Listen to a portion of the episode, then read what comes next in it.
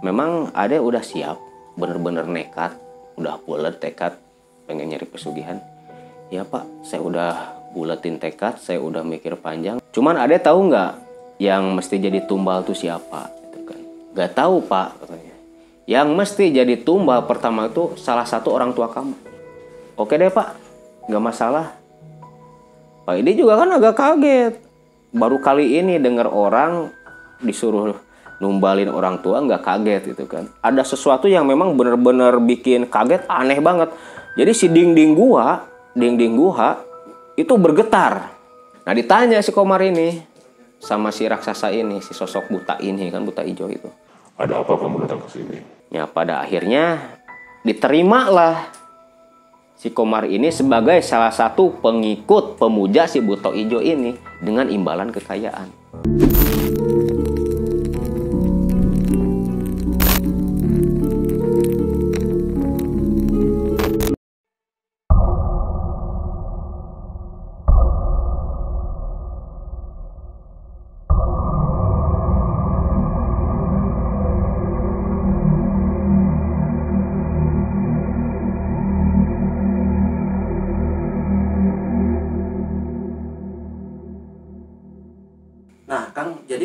kejadian setelah pulang ritual dan pulang ke rumah itu si Komar ini seperti apa sih, Kang? Lanjutan ceritanya. Oke, seperti saya yang yang saya bilang di video pertama saya ceritakan bahwa si Komar ini mendapatkan satu peristiwa yang lebih ekstrim dari pengalaman pertama waktu di gua kan. Nah, jadi pas sampai ke desanya tempat tinggal si Komar, jarak sekitar 20 meter dari rumah. Jadi kelihatan sama si Komar tuh udah banyak warga di rumah tuh. Komar kan eh, kaget juga, ini ada apa kok banyak orang di rumah gitu kan. Sampai di luar banyak orang. Ada apa gitu kan. Akhirnya dia ingat. Ingat sama siapa? Bapaknya. Jadi dia lari ke rumah sambil teriak manggil-manggil bapaknya. Bapak, bapak, bapak gitu kan sambil lari. Akhirnya pada dipegang sama warga, pas sampai depan rumah dipegang sama warga, ya biasalah istilahnya ke orang Sunda bilang direrema gitu kan. Sabar, sabar. Setelah dia masuk ke dalam, bapaknya udah terbujur kaku di ruang tamu. Jadi pas si Komar pulang ini, si bapaknya kondisinya sudah benar meninggal, Kang? Meninggal. Artinya tumbal pertama itu ketika dia mungkin setelah melakukan ritual itu. Ya, jadi setelah melakukan ritual yang saya paham berarti setelah melakukan ritual, beres ritual itu bapaknya langsung diambil jadi tumbal. Jadi dengan kagetnya Komar masuk ke rumah langsung nubruk ke mayat bapaknya. Sambil menangis, menjerit gitu kan, teriak-teriak nama bapaknya. Dan pas dilihat kan mukanya kan dikerubunin sama ini apa ditutup sama kain kan? Jadi pas Komar lihat wajah bapak bapaknya tuh bapaknya tuh matanya melotot. Bapak matanya melotot dengan bibir yang terbuka seperti orang mangap. Jadi dari raut muka bapaknya tuh terlihat seperti pas waktu meninggal itu seperti kaget menyaksikan sesuatu yang mungkin menyeramkan kalau orang Sunda bilang bikin soak gitulah bikin shock gitu. Dilihat dari raut muka mayat bapaknya. Dan wajahnya pun membiru seperti yang orang menahan napas. Seperti gimana aja orang yang mati eh, bunuh diri atau mati dicek tercekik gitu. Dari kulit wajah bapaknya tuh. Nah saya ambil kesimpulan bahwa pengambilan tumbalnya melaku di dengan metode mungkin dicekik sama si buta ijonya proses meninggalnya. Soalnya kalau dari dengar dari cerita si Komar ini mata melotot dengan muka yang dengan bibir yang seperti orang eh, mangap gitu kan. Terbuka. Seperti orang kaget. Nah ya bisa ngambil kesimpulan itu dicekik gitu. nah di lehernya pun memang ada bekas cekikan warna merah ke tua-tuaan lah seperti merah ati gitu kan. Kalau orang Sunda Sunda genek-genek lah gitu kan seperti yang memar gitu kan di lehernya tuh. Nah akhirnya ya karena memang ingatlah Komar sama perjalanan dia sendiri gitu kan ya memang setelah dia sadar setelah dia relax sedikit gitu kan akhirnya dia berhenti menjerit-jerit berhenti menangis karena memang ini sudah sesuai dengan skenario awal gitu dan ibunya pun cuman melihat sambil sesenggukan ke si Komar ini dengan raut muka pandangan yang sendu. Ya memang seperti yang saya bilang di awal kan itu memang udah kesepakatan keluarga. Gitu. Nah, terus biasa aja lah yang namanya orang meninggal disol dimandikan, disolatkan, sampai dikuburkan kan. Terus eh, tahlilan gitu kan sampai tujuh hari. Nah, setelah 40 hari meninggal, pasca meninggal bapaknya si Komar, mulai dia usaha, buka usaha gitu kan. Jadi pas dia pulang ke rumah, seperti tadi saya bilang bapaknya sudah meninggal, si uang yang dibuntalan itu, yang dibuntalan kain, itu kan dibawa ke kamar, disimpan di lemari gitu kan, gitu. Nah pas malam pertama setelah kan yang namanya tahlil kalau di desa kan di kampung biasanya malam hari kan setelah sholat isya.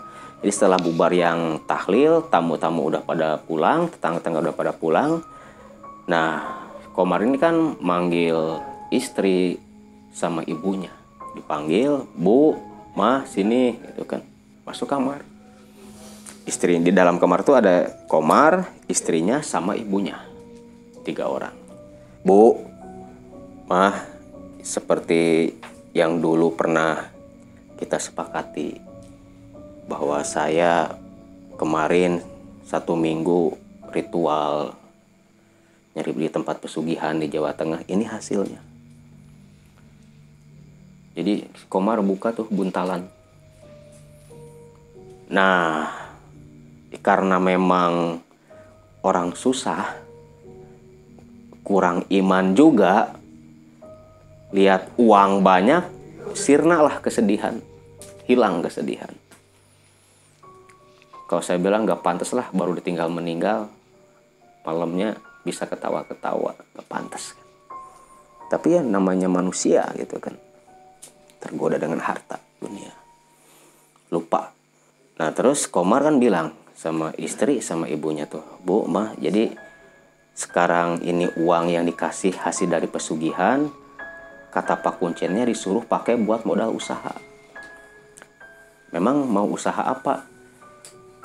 Gak tahu juga mah, ntarlah sambil jalan, ntar aja habis 40 hari Bapak meninggal, baru kita buka usaha. Ya kita usahanya agak jauh dari sinilah. Di kota lain aja. Kata si Komar. Nah jadi singkat ceritanya si Komar ini buka usaha di kota si Abdul. Temennya yang di luar kota itu yang pertama kali ngasih info tentang pesugihan. Gitu. Cuman memang e, lokasinya jauh sama si Abdul. Memang satu kota cuman beda kecamatan lah gitu kan agak jauh. Dan Abdul juga nggak tahu kalau si Komar buka usaha di kota dia jadi nggak nemuin si Komar nggak nemuin si Abdul si Komar ini langsung aja ke kotanya si Abdul jadi dia setelah 40 hari si Komar berangkat ke kotanya si Abdul, dia nyari-nyari kontrakan. Kontrakan lokasi lah, lapak, eh, bukan lapak, toko gitu kan. Jadi si Komar ini e, waktu bilang ke saya dia buka usaha toko material, bahan bangunan gitu. Dari uangnya modalnya dari uang hasil pesugihan itu yang dikasih modal sama Buta Ijo tuh. Nggak tahu lah lupa lagi saya nominalnya berapa. Yang pasti kan yang namanya uh, kontrak lokasi seperti ruko di kota terus buat modal bahan bangunan saya kira lebih dari 100 jutaan lah. Saya kira gitu kan lebih dari 100 jutaan. Nah setelah dia dapat lokasi kontrakan dia mulai merintis usaha usaha material dia gitu kan. Nah anehnya normalnya gitu kan. Normalnya orang baru buka usaha nggak mungkin. Konsumen langsung banyak kan. Pasti selang sebulan dua bulan tiga bulan apalagi nggak pakai promosi nggak pakai iklan yang bagus susah dapat konsumen. Ini sebaliknya. Baru buka selang satu bulan itu konsumen udah kayak toko berapa tahun buka. Aneh kan. Bener-bener aneh.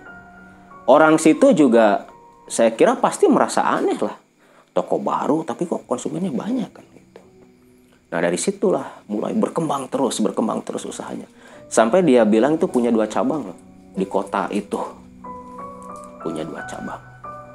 Toko gitu kan punya dua cabang toko di lokasi-lokasi yang berbeda tapi tetap satu kota. Itu di tahun pertama pasca penumbalan ayahnya pasca dia dapat pesugihan. Jadi usahanya semakin berkembang pesat berkembang pesat nah di situ nggak ada keanehan apa pun nggak ada eh, apa istilahnya eh, kejadian-kejadian di luar nalar yang dialami nggak ada normal-normal aja biasa gitu kan nah cuman pas mau menginjak ke tahun kedua pasca melakukan pesugihan nah Komar ini mimpi didatangin sama si Pak Idi Mar di mimpi ya. Jadi di mimpi itu si Komar tuh lagi duduk di teras rumah. Eh, kebetulan si Komar juga bangun rumah juga di kota itu nggak lokasinya nggak jauh nggak jauh dari toko. Rumah yang seperti istana lah kan. Gitu. Mar di mimpinya tuh kan dia lagi duduk di teras sambil ngopi baca koran kan orang kaya ngopi baca koran angkang-angkang kaki gitu kan. Teras rumah. Dia dari depan tuh kata Komar itu masuk Pak Idi ke gerbang jalan jalan kaki gitu kan. Mar, kata Pak Ide tuh. Cepetan kamu datang ke Bapak. Udah gitu aja. Langsung menghilang si Pak. Ya pas bangun, Komar bangun seperti orang yang mengalami mimpi buruk kan. Kau gimana aja orang yang lagi mimpi, lagi tidur mimpi buruk, bangunnya kan kayak orang kaget, mos-mosan segala macam gitu. Sampai istrinya yang tidur di sebelah bangun juga. Pah, pah, kok ada apa sih kok kayak orang kaget gitu? Enggak mah, bapak tuh mimpi kedatangan sama si Pak Idi. Siapa Pak Idi? Kata istrinya kan nggak tahu. Siapa Pak Idi Pak? Itu juru kunci yang tempat bapak minta pesugihan. Kata Komar. Emang kata Pak Idinya gimana? Ya bapak disuruh ke sana, sowan gitu. Memang dulu waktu pertama nyari pesugihan kata Pak Idinya gimana? Ya setahun sekali bapak mesti ke sono. Ya udah atuh ke sono aja. Mau mama temenin nggak? kata istrinya tuh gak usah lah mama di rumah aja sekalian eh, jaga toko gitu. Akhirnya dia mutusin berangkat. Ke lokasi ke Pak Idi ke juru kunci tempat pesugihan dia. Itu dia berangkat hari Rabu. Biasa nggak usah saya ceritakan lah di jalan seperti apa. Cuman yang pertama kalau dulu dia naik bis sekarang dia bawa mobil pribadi kan. Gitu bawa mobil pribadi. Singkat cerita, sampai di rumah Pak Idi, Sowan. Nah, Pak Idi itu seperti orang yang senang. Seperti orang yang benar-benar senang, bahagia kedatangan sama si Komar ini. Wah, udah kaya ya. Nah, pakai mobil baru segala dulu sini naik ojek, sekarang bawa mobil. Kata si Pak itu. Ya, biasa aja Pak lah. Kan ini eh, eh, istilahnya apa kata Komar tuh. Jadi ini kan juga hasil ikhtiar bapak juga kan saya bisa kaya seperti ini gitu kan kata si Komar itu Pak kemarin kemarin kan saya mimpi didatengin bapak emang bapak beneran itu bapak yang datang ke mimpi saya ya memang sengaja bapak suruh ke sini takutnya kamu lupa gitu kata Pak ini jadi gini Mar sekarang kan kamu mau ninjak ke tahun kedua seperti yang udah bapak jelasin dulu bahwa kamu mesti setor tumbal nyawa setahun sekali dulu yang pertama kali tumbalkan kan seperti yang Bapak bilang orang tua kamu. Iya Pak, ayah saya yang ditumbal. Kata si Komar kan. Nah sekarang untuk tumbal kedua mesti orang yang ada ikatan darah sama kamu. Kata Pak Edi ini. Kaget kan Komar? Mesti orang yang ada ikatan darah sama saya. Masa saya mau nembalin ibu saya? Di pikiran Komar tuh kan. Masa anak saya nggak mungkin siapa tuh ya udahlah ntar aja gampang kalau udah sampai di lokasi di rumah gitu di pikiran Komar jadi Mar mesti orang yang ada ikatan darah sama kamu untuk tumbal tahun kedua ini. Nah untuk seterusnya bebas. Mau siapa aja yang kamu tumbalin gak masalah. Cuman untuk yang tahun kedua ini mesti orang yang ada ikatan darah sama kamu. Kata Pak Yedinya gitu. Nah, anehnya juga kalau lihat dari kondisi perekonomiannya si Pak Idi ini itu kan orang kampung lah, nggak terlalu kaya, nggak ka- nggak kaya, nggak. Tapi dikasih uang sama si Komar nggak mau. Aneh kan? Nah, berarti si Kuncen ini juga sebenarnya nggak mau juga dia makan hasil pesugihan. Padahal dia juru kuncinya sendiri gitu kan. Nah, singkat ceritanya, hari itu juga setelah selesai berbincang dengan Pak Idi, dia pulang. Si Komar pulang. Pulang. Dia langsung nemuin istrinya di toko. Mah, pulang dulu. Ada yang mau bapak omongin gitu kan. Emang apaan sih, Pak? Udah ntar aja di rumah. Kata si Komar ini. Singkat ceritanya, Mbah nyampe ke rumah udah nggak jauh. Dari toko nggak jauh, jalan kaki nyampe. Jadi cuman kehalang berapa rumah lah dari toko ke rumahnya tuh.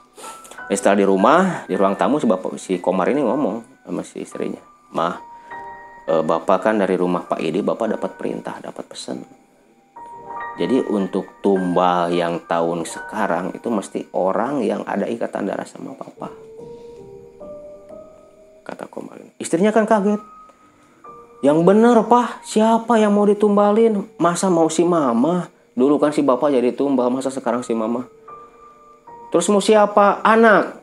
Kata si Komar ini sambil eh, ngebentak gitu kan. Anak mau ditumbalin. Ya enggak juga tuh pak. Ya terus siapa? Nah ingat si Komar dia punya adik. Si Jajang itu. Nah si Jajang ini belum saya ceritakan terlalu detail kan di belakang ya di video pertama. Si Jajang ini adiknya si Komar yang bungsu dan memang cuma dua bersaudara kan. Jadi pasca si Komar kaya, itu si Jajang tidak dilibatkan di usaha dia. Ditinggal di kampung si Jajang ini. Nah setelah ingat punya adik si Jajang, hari itu juga malamnya Komar berangkat ke kampung dia. Nemuin si Jajang, Komar ini. Berangkat nyampe ke eh, tanah airnya gitu kan ke kampung dia nemuin Jajang di Jajang kebetulan ketemu sama si Komar di jalan. Jadi kelihatannya si Jajang ini kata Komar habis dari sawah, bawa cangkul dengan pakaian yang berlumuran apa? lumpur. Jajang lagi jalan di depan, Komar kan bawa mobil ya. Ini posisi mobil, Jajang di depan lagi jalan. Klakson, berhenti. Nah, si Jajang kan kaget. Kok ada mobil berhenti gitu kan pas keluar ternyata abangnya kakaknya gitu si Komar eh bang tumben nih nyamperin ke sini kirain udah lupa sama adek sendiri udah kaya lupa sama keluarga gitu. Bukan gitu jang. Udahlah ntar ngomongnya di rumah aja. Maaf aja deh kalau misalnya abang lupa sama kamu. Udah kita di rumah aja ngomongnya gitu. Akhirnya jajang masuk ke mobil nyampe rumah. Biasalah jajang kan habis dari sawah dengan pakaian kotor berlumuran lumpur. Dia mandi dulu bersih-bersih segala macam. Langsung mereka berdua Komar sama Jajang duduk di ruang tamu bincang kan ngomong. Ada apa nih bang? Tumben ke sini kata Jajang tuh sambil dengan muka yang pedas gitu kan. Karena merasa dilupakan sama yang namanya abang kakak gitu kan. Jang abang ke sini pertama abang mau mohon maaf. Abang udah lupain kamu. Bener-bener abang lupa gak ingat sama kamu gitu kan. Bukannya abang gak memerhatiin atau apa gitu nah terus abang ada apaan? Ada masalah apa sini? Tumben-tumbenan datang ke sini gitu. gini jang. Seperti yang kamu tahu dulu kan abang nyari pesugihan kan. Bapak yang jadi tumbal. Sekarang abang tuh mesti ngasih tumbal yang ada ikatan keluarga sama abang. Nah Jajang mulai nih uh, kayak orang marah gitu kan dengan muka beringas. Abang maksudnya apa? Mau numbalin si mama? Ya enggak lah Jang masa mau numbalin si mama. Terus mau siapa? Saya yang mau ditumbalin. Kata Jajang ini. Ya enggak juga lah Jang. Udahlah nggak usah dulu bahas itu. Sekarang istri sama anak kamu ke mana? lagi main sih istri sama anak di rumah neneknya gitu kan nah kebetulan Jajang ini punya anak dua. Yang gede cowok yang bungsu cewek anak si Jajang ini. Udah aja lah, nggak usah bahas itu dulu. Abang juga lagi pusing nih, gimana caranya abang nyari tumbal yang ada ikatan darah sama abang. Nah singkat ceritanya, nggak tahu kenapa malamnya pas lagi tidur si Komar, dia bermimpi didatangin sama si Pak Idi lagi. Ya ini seperti sepertinya si Pak Idi ini kayak orang yang mantau si Komar gitu kan. Pas si Komar ada permasalahan tentang kesusahan dia cari tumbal, Pak Idi datang di mimpi. Nah di mimpi ini si Komar berbincang sama Pak Idi masalah tumbal. Dengan kebingungan si Komar ini mau cari tumbal siapa gitu kan. Terus memang tadinya rencananya mau numbalin si Jajang adeknya gitu kan. Cuman adanya sepertinya marah karena memang tidak dilebatkan di usahanya. Seolah-olah dilupakan setelah dia kaya si Komarnya. Akhirnya dia si Komar di mimpi ini ngomong sama Pak Idi gimana caranya supaya si Jajang ini mau gitu. Nah terus si Pak Idi ini bilang di mimpi si Komar tuh itu urusan saya. Tunggu aja besok kata si Pak Idi di mimpi kan. Setelah itu udah Komar bangun subuh sekitar jam 5 jam 5 subuh Komar bangun masuk lagi e, ke ruang tamu setelah sarapan segala macam kan. Komar ini. Si Jajang nyamperin. Kebetulan di rumah kan cuma dua orang si Jajang sama si Komar doang. Istri sama anaknya kan sebenarnya tadi saya bilang lagi di rumah nenek-neneknya kan. Neneknya gitu bukan nenek-neneknya. Lagi di rumah neneknya. Bang kata si Jajang ini kan sambil ngopi gitu. Bang semalam Jajang kan mikir kenceng juga. Abang tahu kan kondisi Jajang sekarang seperti apa? Kerja kayak abang dulu lah serabutan. Gak punya penghasilan tetap juga gitu. Nah oke okay lah bang kalau memang abang mesti ngasih tumbal orang yang ada ikatan darah sama abang ya udah saya rela bang jadi tumbal. Cuman satu bang syarat saya. Apa? Kata Komar syarat satu syarat saya bang. Saya titip anak sama istri saya bang. Tolong biayain hidupnya sekolahin setinggi tingginya sampai sukses anak saya. Nafkahin juga istri saya bang. Kalau abang setuju saya siap jadi tumbal abang. Oke deh jang kalau memang gitu mah loh ini kan aneh loh yang awalnya Masa sih ada orang yang tadinya sakit hati, benci, tiba-tiba rela begitu saja mau jadi tumbal. Nah inilah seperti yang tadi saya ceritakan di mimpinya si Komar ini ada campur tangan si Kuncen, Pak Idi. Ya mungkin dengan ritualnya mempengaruhi pikirannya si Jajang atau gimana supaya si Jajang mau jadi tumbal dengan sukarela menyerahkan diri. Itulah hebatnya golongan jin kan tipu muslihatnya. Nah, setelah si Jajang ini ikhlas merelakan dirinya menjadi tumbal, Komar kan pulang.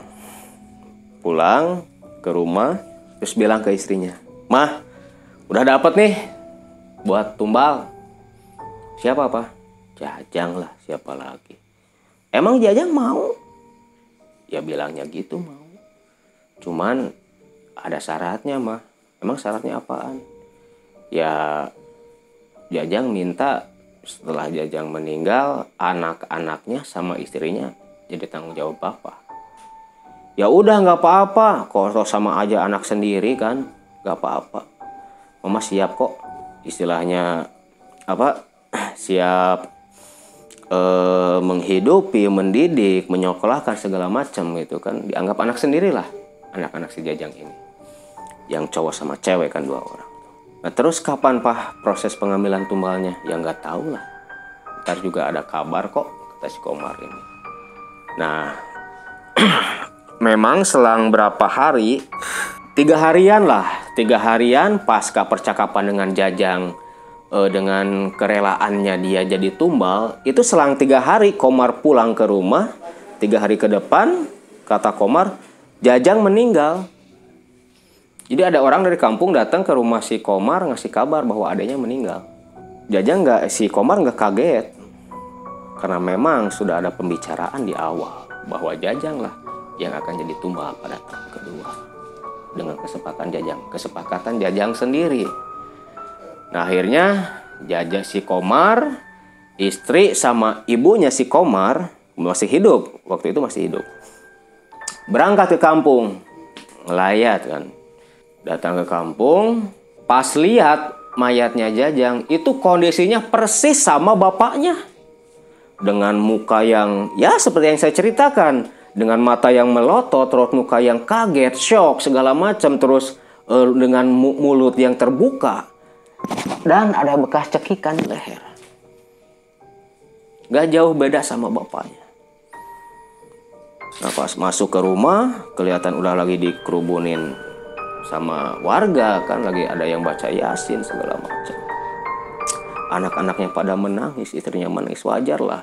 Yang jadi tulang punggungnya nggak ada kan akhirnya setelah biasalah seperti proses eh, mengurus jenazah pada umumnya sampai ke tahlil. Tak pas malam pertama tahlilan, Komar ini nyamperin ke istrinya si Jajang sama anaknya di ruang tamu. Ngomong gitu kan di ruang tamu berbincang. Jadi kata Komar ini, Is, udah kamu gak usah sedih. Mungkin memang ini udah takdirnya Jajang mesti meninggal tapi kan A kan orang Sunda kan ke kakak kan bilangnya A tapi kan A terus siapa sekarang yang mau ngidupin Iis? Yang mau nyekolahin anak-anak nanggung jawab Iis sama anak-anak. Udah Iis nggak usah banyak pikiran. Kamu ikut aja ke abang. Anak kamu anak abang juga. Abang tanggung jawab segalanya. Masalah sekolah biaya segala macam abang yang nanggung. Anggap aja permintaan maaf abang ya udah ngelupain kamu sama adek sama suami kamu.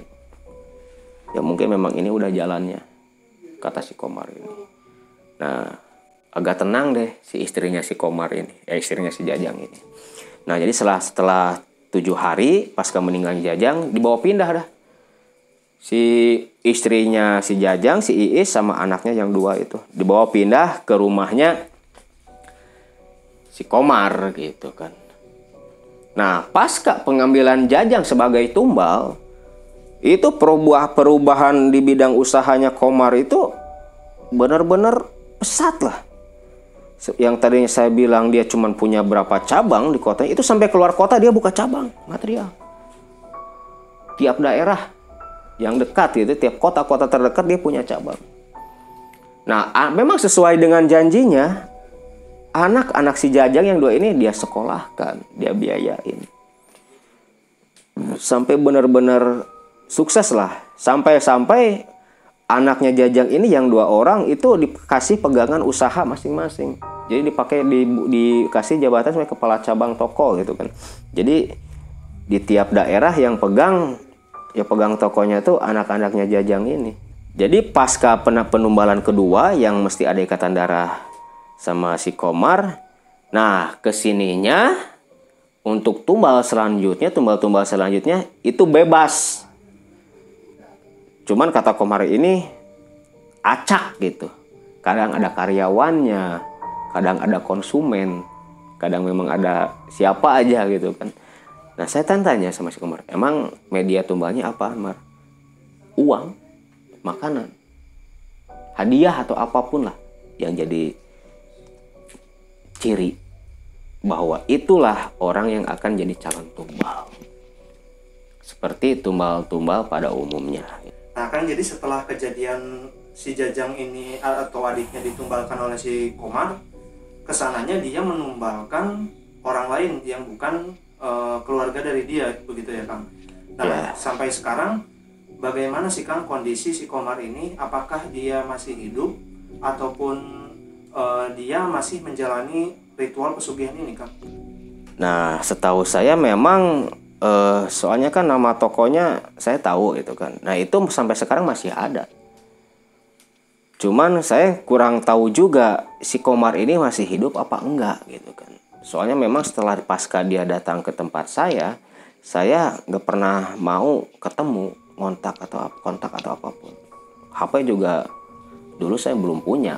Tahun 2000 nggak punya HP jadi kita benar-benar lost kontak gitu kan dan memang e, berhubung lokasi saya sama Jajang juga jauh banget beda kabupaten lah. Masih satu pulau lah tapi beda kabupaten gitu kan. Satu provinsi gitu cuman beda kabupaten. Miris lah. Miris sedih juga gitu kan. Itulah salah satu bukti kasih sayang orang tua kepada anak itu sampai berani melanggar aturan tapi itulah kasih sayang yang salah tempat mestinya kalau misalnya kita sebagai orang tua sayang sama anak jangan menyarankan hal seperti orang tua si Komar lebih alangkah lebih baiknya memberikan nasihat, dorongan, support untuk usaha yang lebih baik dengan cara yang halal, bukan cara seperti yang dilakukan orang tua si Komar. Seperti. Dan sampai sekarang pun usahanya masih berlanjut. Dan entah berapa puluh orang yang sudah jadi tumbal kekayaannya si Komar ini. Dan masih hidup apa meninggalnya saya kurang tahu. Cuman itu yang bisa saya ceritakan di video kali ini. Oke Kang, terima kasih untuk uh, cerita di video kali ini. Eh, ceritanya cukup menarik ya dari awal kita sudah menceritakan awal mula kejadian hingga akhirnya seperti apa dan kisah-kisah ini tentunya bisa menjadi pelajaran dan hikmah untuk teman-teman semua agar kita lebih mawas diri agar tidak tersesat di jalan seperti itu ya Kang. Iya. Yeah. Nah terima kasih Kang untuk video okay. kali ini. Semoga kita bisa berjumpa lagi di video-video selanjutnya di channel Tata Pakuan Dalam ini. Ya. Yeah.